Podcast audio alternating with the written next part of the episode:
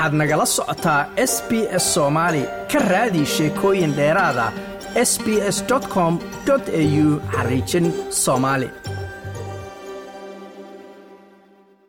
wadajirka bulshada australia ayaa tartiib tartiib hoos ugu dhacaysay waayihii dambe iyadoo ay jiraan culaysyo dhaqaale iyo kuwo siyaasadeed. Tan ayaa laga soo xigtay warbixintii toddobiyo tobnaad ee ka soo baxda hay'adda scanland foundation warbixintan ayaa ka dhalatay cod aruurin laga sameeyey su'aalo ku saabsanaa arrimo ay ka mid yihiin dhaqamada kala duwan aaminaadda ay dadku ku qabi karaan dowladdooda iyo nolosha bulshada guud ahaan. Shacabka austareeliya ayaan u midaysnayn sidii ay sannadihii hore u midaysnaan jireen iyadoo sababo dhowr ah oo ay ku jiraan kuwa dalka dibaddiisa ka dhacay sida colaadda bariga dhexe ay mas'uul ka tahay hoosu dhacan ishaysiga ama wadajirka bulshada warbixintan scanland foundation ayaa muujinaysa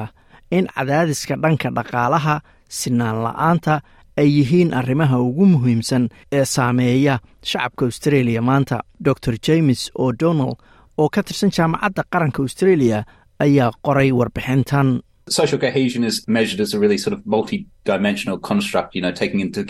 wadajirka bulshada waxaa lagu cabiri karaa dhinacyo badan iyadoo la tixgelinayo sida qofku uu u aaminsan yahay inuu bulshada ka mid yahay iyo in kale sida uu dadka kale iyo dowladda ugu kalsoon yahay sida uu ugu faraxsan yahay noloshiisa guud ahaan sida dhaqaaluhiisu u xasiloon yahay. Wadajirka bulshaduna dhowr dhinac hoos ayuu u dhacay ayuu yidri daraasaddan labada kun iyo labaatan saddexda ayaa lagu soo aruuriyey aragtiyada shan kun iyo toddoba boqoloo qof oo la weydiiyey sagaashan su'aalood oo taabanaya mawduucyo ay ka mid yihiin arrimaha socdaalka ama immigrathonka dhaqamada kala duwan ama multiculturalismka waxaa la yidhaahdo iyo arrimo waaweyn ee dalkan dowladda iyo shacabkuba ay wajahayaan. Daraasaddii labadii kun iyo labaatankii ayaa lagu ogaaday inay kor u kaceen calaamado dhowra oo muujinaya sida bulshadu ay u wada jirtay intii lagu jiray covid nneteen-kii laakiin tirakoobka sanadkan ayaa muujinaya in taasi hadda ay meesha ka baxday oo wadajirkii bulshadu uu hoos u dhacay. konton iyo laba boqolkiiba dadkii lagu waraystay warbixintii labadii kun iyo labaatankii lahaansho weyn ayay dareemayeen oo dalka ah. laakiin tiradaas warbixintan hoos ayay u dhacday oo waxay gaartay afartan iyo siddeed boqolkiiba taasoo ah tii ugu yarayd intii daraasadahan la samaynayey tirada dadka aadka ugu faraxsan oo ku qanacsan habnololeedka australia iyo dhaqanka australia ayaa hoos u dhacay oo gaaray soddon iyo toddoba boqolkiiba. Siddeetan iyo afar boqolkiiba ayay dadku aaminsan yihiin in farqiga u dhexeeya dadka dakhliga sare iyo dakhliga yar ay sii ballaaranayso madaxa federation of ethnic communities councils of australia carlo carley ayaa sheegay in doodaha siyaasadeed ee kulkululaa ee dalka gudihiisa iyo dibadda ka dhacayay iyo weliba cadaadiska ama culaysyada dhanka dhaqaale ay dhibaatooyin ku noqdeen ama culays saareen wadajirka bulshada dalkan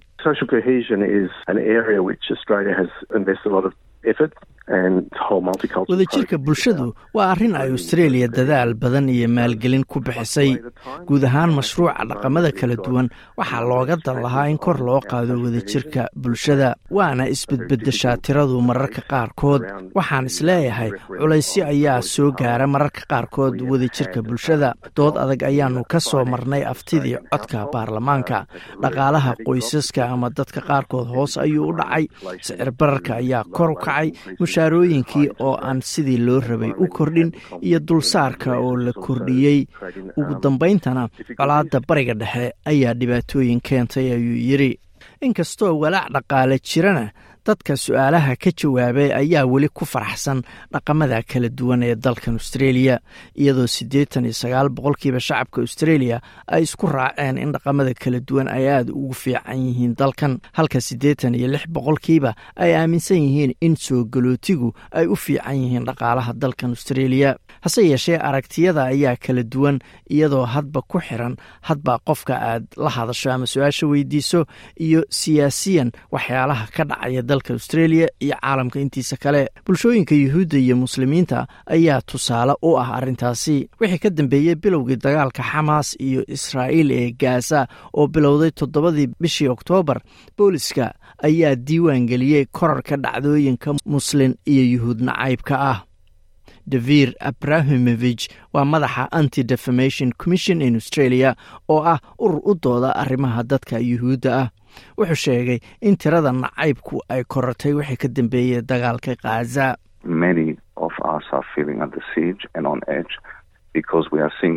qaar badan oo naga mid a waxayba dareemayaan inay go'doonsan yihiin oo ay qarka saaran yihiin. Sababtoo ah waxaannu aragnay dad aan islahayn saaxiiba ayaa tihiin oo dhabarka noo duway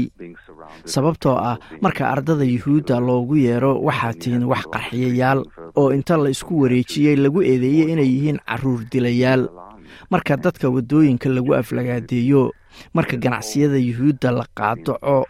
waa wax laga naxo. bulshada yuhuudda weligood waxay ka qayb geli jireen bulshaweynta australia oo qayb lixaadla ka ahaayeen.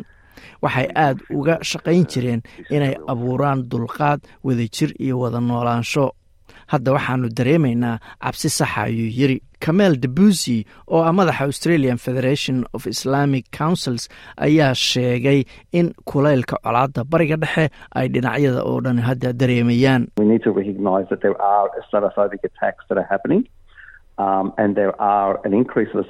waa inaan garawsanno in weeraro islaam nacayba ay dhacayaan. Waxaa sii kordhaya weerarada islaam nacaybka ee dhacaya. waxayna ila tahay inayba toban laabmeen runtiina halkan aan joogo oo sidni ah xarunteenna waxaa loo soo dirayey telefoonno badan oo muslim nacayb ah. waxaannu doorannay inaanaan waxaas bannaanka inta badan u soo bixin sababtoo ah ma doonayno inaannu sii kordhinno walaaca bulshadu qabto. Inkastoo taageerada loo hayo dhaqamada kala duwan iyo arrimaha socdaalka ay aad u sarraysay tobankii sano ee u dambeysay takoor iyo cunsuriyad ayaa caadi noqday labada kun iyo labaatan iyo saddexda. Siddeed iyo toban boqolkiiba dadka ayaa sheegay inay la kulmeen takoor laba iyo tobankii bilood ee u dambeeyey takoorkaas oo ku salaysan ama midabkooda jinsigooda diintooda tiradaas ayaa lix iyo toban boqolkiiba ahayd labadii kun iyo labaatan iyo labadii. Madaxa multicultural australia christine casley ayaa aaminsan in waxa laga soo maray dhibaatadii covid nneteen-ka ay saameyn ku yeelatay aragtida dadweynuhu ka qabaan wadajirka australia. Waxa aanu runtii u baahannahay inaannu dal ahaan samayno. siday ila tahay waa inaannu abuurno adkaysi oo aannu ka shaqayno awoodda aan u baahannahay si aannu dadka ula hadalno oo dhibaatada jirta u sheegan karno oo aannu isku xirnaanno oo aannu markaasi isla xiriirno ayay tiri like aas la wadaag wax ka dheh lana soco barta facebooka ee sb s soomaali